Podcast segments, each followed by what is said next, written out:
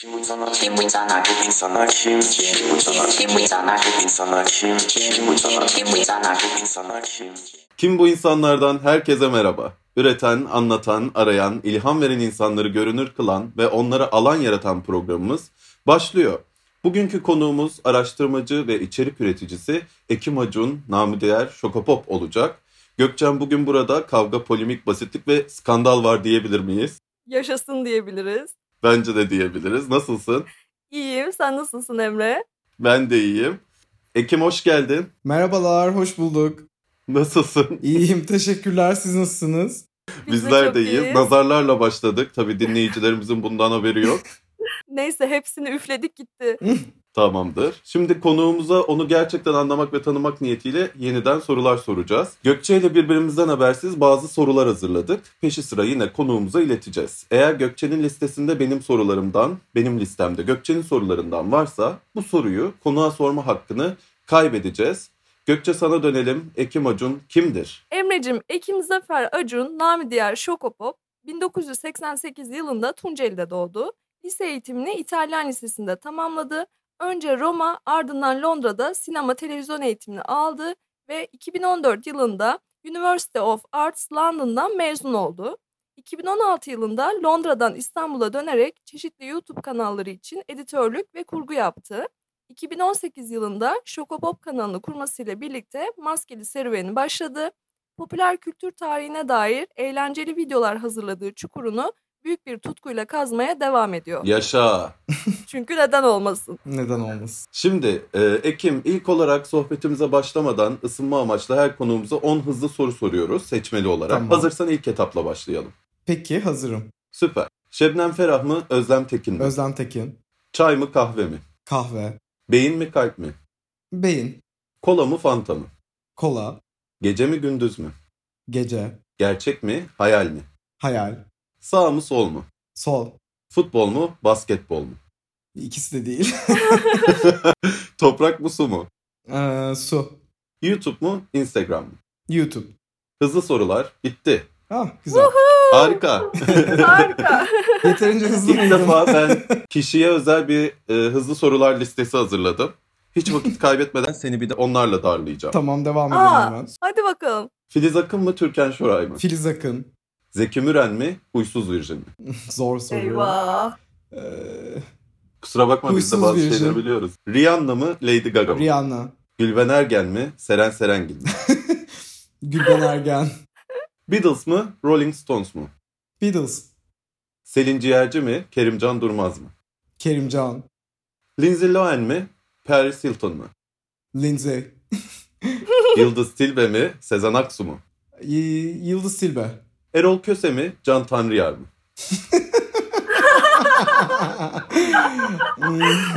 Yani Erol Köse en azından bir musical genius'ı var. Şokopop özel hızlı sorular bitti. Bu etap zordu. yani Paris Hilton'u kesinlikle daha çok takdir ediyorum ve Lindsay Lohan'ın böyle tam bir şey geçen senelerle beraber ciddi anlamda hani o çöküşü e, ruhani ve düşüncesel boyutta da e, yoğun yaşıyor kariyer çöküşünü. Paris Hilton ise bir o kadar e, kalbimi kazanmış biri özellikle son senelerde. ya geçmişte de çok sevmeme rağmen. Fakat şöyle bir şey var. Lindsay Lohan benim gerçekten ergenliğime damga vurmuş bir insandı ve dev seviyordum o zamanlardan. Oradan kalma öyle bir sevgi tortusundan ötürü e, o cevabı verdim. Yoksa e, Paris Hilton kesinlikle kazanır yani. Ya hakkını yiyerek diyorsun. Bende hiç yok ya Lindsay. Senin e, ilgin olduğunu bildiğim için hemen dahil ettim. Çok güzel olmuş Emre. Tebrik ederim. Emre'ciğim tebrik ederim. Teşekkürler kardeşi. Teşekkürler. O zaman ikinci etaba geçebiliriz işin eğlenceli kısmına. Hemen geçelim. Ee, Ekim, e, yeniden hoş geldin. Çok mutluyuz burada olduğun için. Hoş bulduk. Ee, TEDx konuşması yapmışsın. Çok da iyi olmuş bence herkesin kafasındaki böyle birçok soruyu cevapladığın böyle güzel bir konuşma olmuş kendin de anlattın. O konuşmada balık hafızalı bir toplumda fil hafızalı bir çocuğa dönüştüm diyerek beni bitirmiştin açıkçası. Beni de beni de. Hafızandaki bu bilgileri de böyle bir tutkuyla aktarmanı ilham verici buluyorum. Peki bu aktardığın hatıralardan sana kalan hisler ne oluyor? Örneğin 90'lar ve 2000'lerin başı Türkiye'sinin sende bıraktığı tadı nasıl betimlersin? Yani tabii çocukluğuma ve ilk gençliğime e, denk geliyor olduğu için e, hep insan e, o dönemleri hani o nostalji hissi böyle bir şey ya işte tatlı tatlı e, anıyorum. Tatlı bir his geliyor aklıma. Ne bileyim 90'lardaki Bostancı Gösteri Merkezi'ni falan e, düşünüyorum. Luna Park'a gitmek gibi şeyler geliyor aklıma ama tabii bunların hepsi işte dediğim gibi o nostalji tuzağının içine düşmekle alakalı olan bir şey. Yoksa şimdikinden daha muhteşem e, ya da şimdikinden daha berbat e, yıllardı da diyemem bir yandan. Çünkü öyle de değiller. Yani bazı şeyler iyiye gitti, bazı şeyler kötüye gitti. O yıllarda hiçbir zaman iyi değildi. Yüzde yüz iyi değildi yani. Bu doğru. Evet katılıyorum ben de. Peki böyle bir betimleme hani böyle nasıl diyeyim ekşi tatlı tuzlu falan gibi böyle bir hissiyatla betimlersen böyle ne, ne derdin? Ha, tatlı derdim ama böyle tatlandırıcı gibi ya. Aa, evet, şey evet. gibi, e, içinde ne olduğu belli olmayan e, makine dondurmaları falan gibi hani o basınca külaha dolan. Asla olmayacak renklerde. Aynen. 90'larda çocukken sahile inip yediğim tarzda dondurmalar. Aynen çok tatlı oldu. Teşekkürler bu cevap için. Rica ederim. Evet Emre. Ekim. Ee, ben şahsen kendime baktığımda popüler kültüre ilgili biri olarak görüyorum kendimi.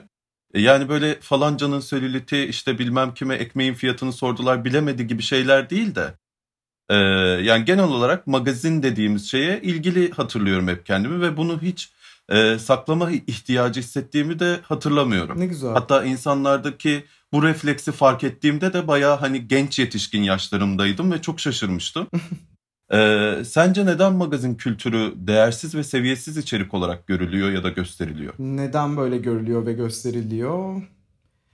Yani bir yandan başkalarının hayatını merak ediyor olmak e, hiçbir zaman e, çok övülesi bir e, meziyet olmadığı için e, Neden ki? Yani aslında hani otobiyografik bir kitap okurken de aynısı değil mi? E, tabii ki öyle. E, ama işte insanların kafasında e, şey gibi ayrımlar olabiliyor. İşte e, yüksek zevke hitap eden e, kişiler ve işler ve yüksek zevklere hitap etmeyen kişiler ve işler ve eğer olur da hakkında e, okuduğunuz e, biyografisini okuduğunuz e, şahıs e, o yüksek kişiler e, sınıfına dahil olamıyorsa karşınızdaki kişilerin e, aklında o zaman size e, küçümseyici bakışlar yönelebiliyor.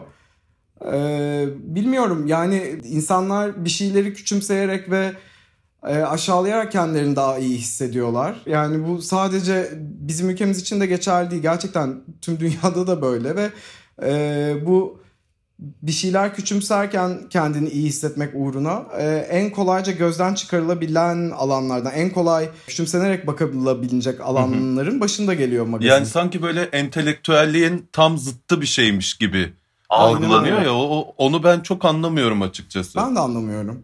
Hani hiç alakalı bile değil ki hani zıttı olsun. Peki tamam sorun biraz havada kaldı da gibi oldu ama Şimdi aklıma geldi de bir yandan e, Melike Demirağ'ın e, Hadi Canım Sen de diye bir e, şarkısı var.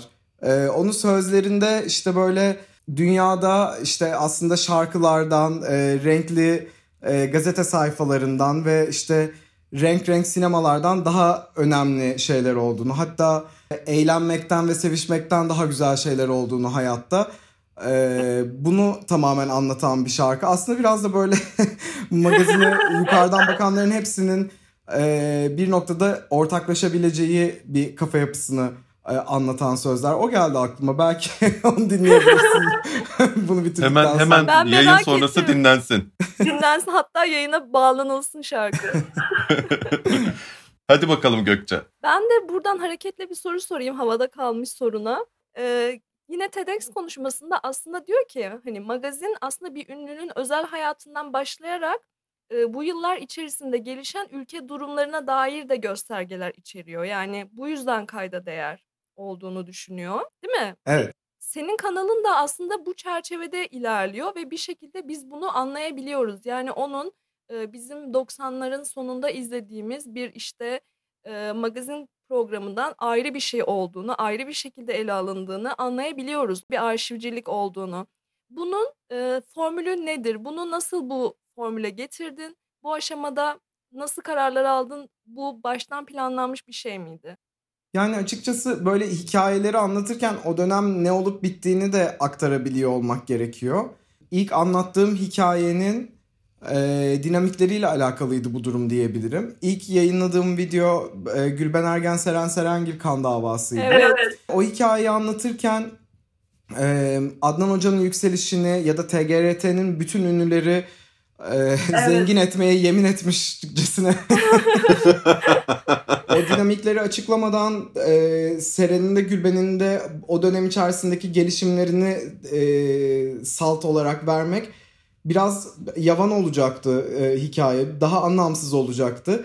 O yüzden de hani böyle e, insanların kafasında o hikayeyi e, daha çok boyutlu olarak e, canlandırabilmek için o sırada etrafında neler olup bittiğini de aktarabiliyor olmak lazım. Yani bağlamından kopuk bir şekilde e, ele alındığında birçok şey birbirinin içine giriyor. E, ve o da böyle aslında bugün yaşadığımız o e, işte hem şeye e, dezenformasyon e, Evet. patlamasına hem de kendi geçmişimizi çarpık çırpık e, biçimde e, hafızalarımızı kaydetmiş olmamız, o şekilde işleniyor olmasına sebep veriyor. İşte bir olayı anlatırken aslında etrafında gelişen e, etrafındaki atmosferi de e, aktarabiliyor olmak istediğim için çıktı bu form. Evet. Yani aslında sen e, çarpık bir hafızayı yeniden şekillendiriyorsun. Doğru bir yöne yeniden e, kanalize ediyorsun diyebiliriz bu videolarla. Aynen. Teşekkür ederim. evet Emre. Çünkü bir kültürün aktarılmasında üslup inanılmaz önemli. Ve bize bu magazin üslubu çok tuhaf verildi ya böyle üst üste sürekli tekrar eden e, ve saçma Gerçekten detaylarla hakaret örülmüş. eder biçimde kurgulanmış Aynen öyle. e, işler izledik. Hala da onları izliyoruz. Televizyonda hala onlar varlar. Biz seni izliyoruz valla. Teşekkür Vallahi ederim. evet.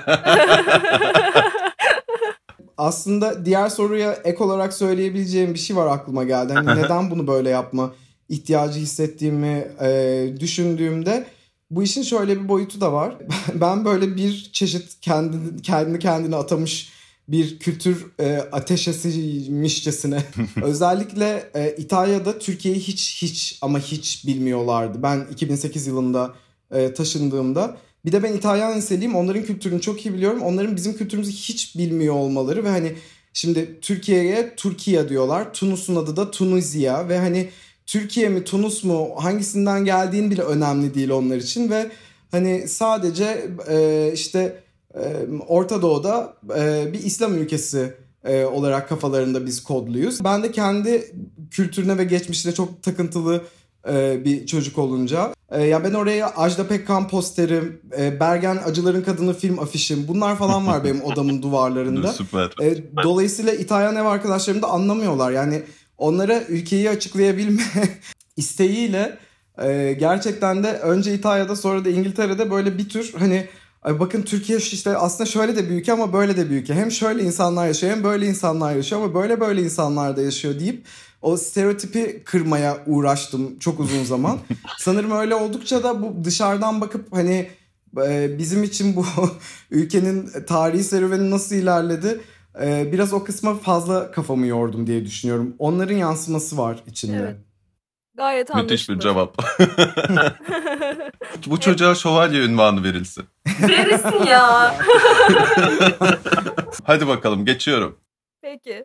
Ee, Şoko, 60'lar sineması ve 90'lar müzik piyasası e, tarihimize baktığımızda bayağı renkli, çeşitliliğe açık ve neredeyse e, özgür diyebileceğimiz bir yapıda. Kesinlikle. Ee, sence bunun nedeni ne? Neden o dönemler daha renkli, daha özgür? Ay, 60'lardakinin sebebi sansürün çok ciddi anlamda e, sinemacıların tepesinden birazcık düşmesiyle alakası var.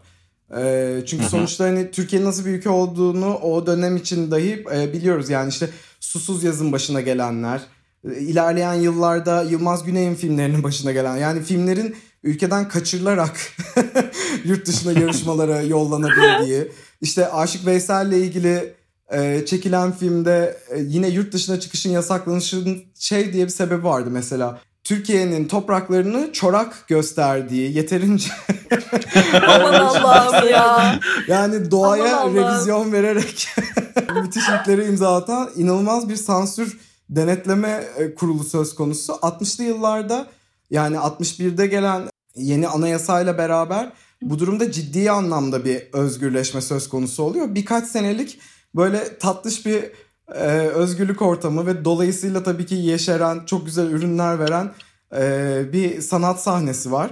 Sinema bunun en önemli kolu orada. Onun yanı sıra hani böyle mainstream filmlerde falan da çok cesur. Bugün hiç cesaret edilmeyen striptiz sahneleri.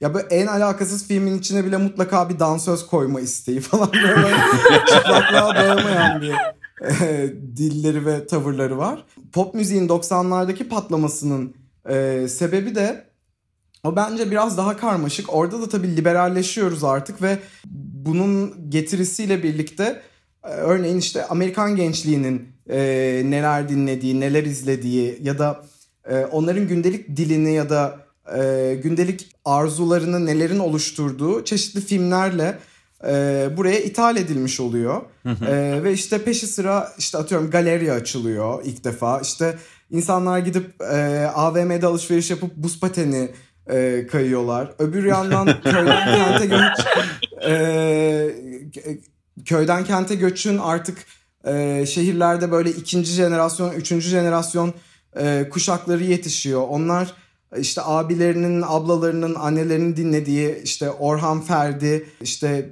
Neşe Karaböcek vesaire evreninin de biraz dışına çıkıp daha hareketli, daha böyle hani liberalizmin yeşerttiği o dinamizme de uyabilecek yeni müziklerin de e, biraz e, açlığını hissediyorlar.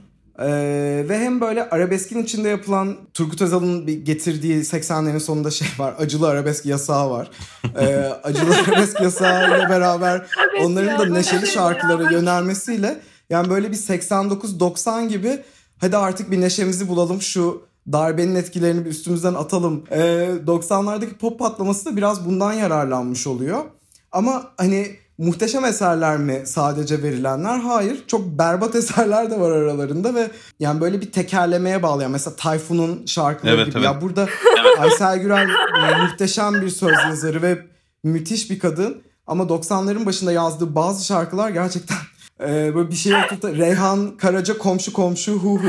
Yani hani böyle tekerlemelerden Evet bir şeyi formülize üretilmiş- etmişler gibi ve o, onu satıyorlar gibi. Aynen öyle ve hani müziği ucuzlaştıran bir şey. Ni- Nitek, yani nihayet düşündüğümüzde evet 80'lerde pop müzik Türkiye'de ölmüştü ama 70'lerde de muhteşem bir pop müzik sahnesi vardı. Yani hem işte aranjman e, dedikleri o zamanlar o adaptasyon şarkılarla hem e, işte Nüket Duru e, gibi isimlerin söylediği özgün şarkılarla hem e, işte pop folk e, Anadolu rock e, akımlarıyla gerçekten çok hareketli, çok bereketli ve özgün bir müzik sahnesi var. Bence o 90'larda bir nebze e, yitiriliyor. Ne kadar da güzel bir özet, ne kadar da güzel bir ders Evet oldu. evet 101 ya. Hadi Ve bakalım. 101'idir gerçekten. Evet, e, benim ya gerçekten şok hocam. Sana sormak istediğim o kadar çok soru var ki yani bilmiyorum bu programa nasıl yetiştireceğiz. Ama şunu kesinlikle merak ediyorum. E, İngiltere'de okurken hocan olan Peter Matthews'dan bahsediyorsun Evet. ve bir derste senin sinefil anını sorma sormasıyla senin guilty pleasure'ın bir huzura eriyor. İkiliye Dikkat filminde. Ben filmi oturdum izledim gerçekten senin için. Harika bir Dikkat'i. Pişman düşünüyorum. Gerçekten ya neden harika olduğunu çözememekle birlikte gerçekten harika bir film. Neyse benim merak ettiğim bu hocanla daha sonraları e, yaşadığınız bu tip keyifli anlar, böyle diyaloglar belki Türkiye üzerine, belki onun tecrübeleri üzerine, belki onun Türk sinemasına bakışı üzerine böyle keyifli anlarınız varsa mutlaka aktarmanı istiyorum. Olur. Ee, bilmiyorum orada bahsetmiş miydim ama e, Peter aynı zamanda çok büyük bir e, yalan, Yalan rüzgarı fanıydı. Ha. Heh, aynen bunu Aynen. anlatmış. evet bahsediyor. E, Nicky ve Victor üstüne ve Ashley üstüne de konuşmuşluğumuz e, defalarca vardı. E, e, benim yani e, bi- ilk seneden bitirdiğim seneye kadar dersini aldım. Son sene e, tez hocalığımı da üstlendi. O şerefe de nail olmuş oldum. Ee, onu çok şaşırtan diyebileceğim şey e, tez konusuna da oradan bağladım. Ee, son sene tezimizi yazacağımız zaman benim ilk başta aklımdan geçen e, Türkiye'deki erotik furyayı e, 70'lerdeki e, sinemadaki erotik furyayı anlatabileceğim bir e, tez konusuydu. İşte bana hani daha çok ülkede neler olduğunu ve sinemanın genel anlamında e, nelerin olduğunu sordu ve anlattırdı ki e, en sonunda bu konu şuraya bağlandı. E, hani burada aslında ülkenin yine çıplaklıkla sınavından söz etmiş oluyoruz. Nasıl başladı, nasıl gelişti, nereye devam etti? Sonuç olarak erotik furyaya baktığımızda sadece 1974 ile 1980 e, yıl aralığında var olabilmiş. Türk sinemasının e, bu e, özellikle kadın cinselliğiyle olan e, sınavını anlatabilmek adına e, Türk sinemasında kadın portresinin evrimi e, konulu bir e, tez yazdım. Bunun case study'si olarak da Türkan Şoray ve Türkan Şoray'ın filmlerini inceledim. Üç tane filmini incelemiştim. ee, onları yaparken e, filmleri de ona e, çevirmem gerekti tabii. E, Türkan Şoray üstünden bunu açıklamak e, iyi bir fikir olacaktır e, demişti bana Peter. Aynen. E, Sağ olsun e, iyi de bir fikir oldu. Ben de fena bir e, not almamıştım. Peki e, Şoko biri gelip sana diyor ki bütün video içeriklerini kaldıracaksın al sana 250 bin Türk lirası. Cevabın ne olur? Yani 250 bin Türk lirasına bütün içeriklerimi kaldırmam. Kaldırmaz Para değil ya. be Emrem. Kaça kapatırız? yani bilmiyorum e, bunun yani zaten paha biçmek isteyeceğim bir şey değil öncelikle ama hani YouTube'da e, başka içerikler üretmeye devam edeceksin e, ve sadece bunlar olmayacak üstünden bir teklifse ancak öyle devam değerlendirebilirim. Milyondan açarım kapıyı. Peki bu kendine ve hazırladığın içeriklere bir otosansür uyguluyor musun? evet. Bir alt başlık mutlaka. olarak bunu sorayım. Tabii ki e, yani bence bu bir e, izleyici kitlesiyle e, veya atıyorum işte okuyucu kitlesiyle dinleyici kitlesiyle buluşabilecek tüm işler için geçerli olmalı. E, sonuç olarak biz de filtresiz varlıklar değiliz. Herhangi bir e, rutin gün, gündelik bir konuşmanın içerisinde bile karşımızdakini kırmıyor olmadan konuşmaya dikkat ediyor olmak e, gerekiyor. Bu hepimizin de e, çoğunlukla hani eğer çok kaba ve gerçekten norm dışı bir insan e, bu bu manada e, değilseniz ha, hepimizin gözettiği bir şeydir günlük hayatta. E, kimseyi gerçekten kırıp etmeden, e, kişiliğine hakaret etmeden, rencide etmeden, e, dalga malzemesi haline getirmeye çalışmadan yazmaya e, ve kurgularken de görsellerini o şekilde yerleştirmeye özen göstermeye çalışıyorum. Doğru evet. Çok güzel ne mutlu. Yani e, sevilmenin en önemli nedenlerinden biri de bu bence zaten. Saldırgan olmayışın. Evet. Aynen. Evet Gökçe. Evet Şokocuğum eğer sen 90'ların sonu 2000'lerin başında gibi bir e, zaman aralığında yaşayan bir magazin figürü olsaydın nasıl bir tip olurdun? Bela biri olurdum diye düşünüyorum gerçekten yani o zaman çünkü insanlar da çok e, şey değil çok ayık değiller yani hani böyle politikli correct de hiç değiller. Aynen öyle bir yandan da hani gürül gürül bir gece yaşamı var bir yandan e, bu manada kendini yansıtışın son derece özgür bir şekilde izleyicisiyle buluşabiliyor o yüzden ben şey yani e, tadını çıkarırdım. Halil Kadir Beyoğlu e, diye bir e, celebrity modacımız ve hatta bir dönem kaset de çıkartmış. Slash şarkıcımız. Dizi oyunculuğu yapmışlığı da var konuk oyuncu olarak. Slash oyuncumuz var. E, Halil Kadir Beyoğlu e, gibi bir karakter olmak isterdim o yıllarda yaşasam. Peki Emre. Ekim, e, cevabını bildiğim bir soru soracağım aslında. Tamam. Türk popüler kültüründe e, neyi çok yanlış buluyorsun ve neyi değiştirmek istersin? Hmm. E, Türk popüler kültürünün yorumlanması konusunda yani o da şey hani ana akım medyadaki yorumlanışı açısından e, yani ahlak bekçiliğinden kurtulmak isterim e, öncelikle. E, tüm zamanların magazin medyasına yayarak cinsiyetçi dilinden kurtulmak isterim. E, ve nefretle insanları hedef gösterir e, tavrından kurtulmak isterim diye düşünüyorum. Müthiş bir cevap. Ya. Benim seçtiğim cevap bu değildi bu arada. Senin Kendi seçtiğin kafasında O kadar cevaba. havalı girdim ama ben riyakarlık ve ikiyüzlülük diyecektim. O da var. o da olur. Evet. Sayılır. Hayır çok net girip de hani bambaşka ve çok daha kaliteli bir versiyonunu sunduğun için apışıp kaldım. Evet Gökçe. Ben yine eğlenceli sorularımdan birini soracağım sana Şokocuğum. Tamam. Ee, ünlülerden biriyle kanka olacaksın, biriyle sevgili olacaksın, biriyle düşman olacaksın. Bunlar kim of olurdu? çok güzel soru. Biriyle kanka, biriyle sevgili, biriyle düşman mı? Biri de düşman. Okey biraz düşünüyorum ama yani çok fazla da Tabii. düşünmeye vakit ayırmamam gerekiyor zaten. Kanka olmak isteyebileceğim çok fazla ünlü var ve şu an böyle şey kafamda kapışıyorlar. Yani- Bülent bir yerde, Zeki bir yerde, Ajda Pekkan bir yerde falan böyle e, bir dilemmanın içine düştüm. Sevgili olmak isteyeceğim ünlü e, çocukluğumdan beri crush'ım olan Robert Hatemo. E, Ciddi misin? Çok güzel bir cevap. Düşman olmak isteyeceğim ünlü galiba Seren Serengil. Çünkü gerçekten kaliteli bir düşman. bir yandan da ciddi anlamda bir şey vicdanı ve yumuşak bir kalbi olduğunu da çeşitli e, seviyelerde ve çeşitli açılardan bakıldığında düşünüyorum. Çünkü yeri geldiğinde Gülben Ergen'i bile affedebilmişti. E, şimdi kanka olmak istediğim ünlüye gelince de gerçekten en zorlandığım kısım o oldu. Ee, ama sanırım e, Zeki Müren diyeceğim çünkü çok yoğun üstüne düşünmek zorunda kaldığım bir insan ve çok merak ediyorum yani beraber e, o arkadaşlığın yapılması nasıldır. Bir de bayılıyorlar yani işte e, Gönül Yazar ayrı kankası, Ajda ayrı kankası. Herkesle evet, bir evet. e, şey kankalık macerası da var. O yüzden takılması tatlı da bir insandı.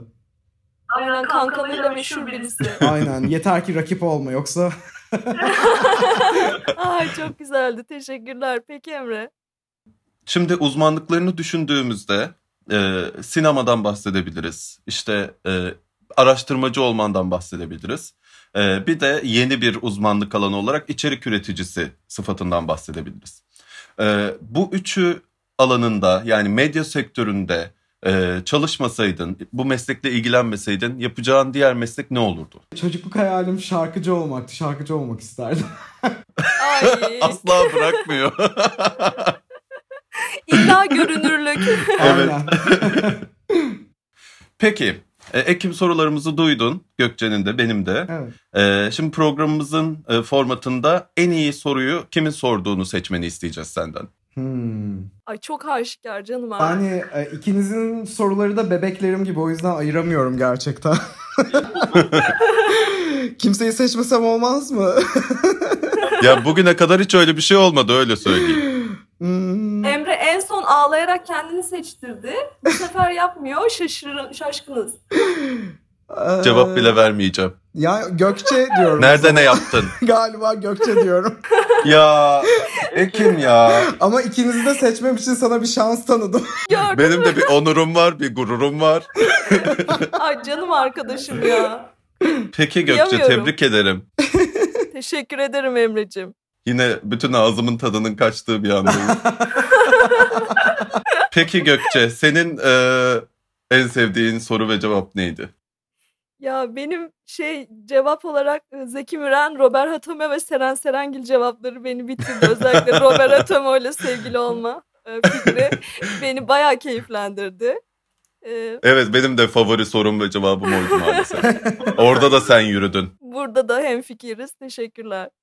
Peki Şoko söylemek istediğin son bir şey var mı? Ee, çok teşekkür ederim. Hem size çok teşekkür ederim hem de dinleyecek olan herkese çok teşekkür Biz ederim. teşekkür ederiz. Öpüyorum sizi. Yine Hakkımın Yendiği programın sonuna geldik. Ee, Bugün konuğumuz e, Ekim Acun, namı değer Şokopop'tu. Kim bu insanlar? Bitti. Kim bu insanlar? Bu insanlar?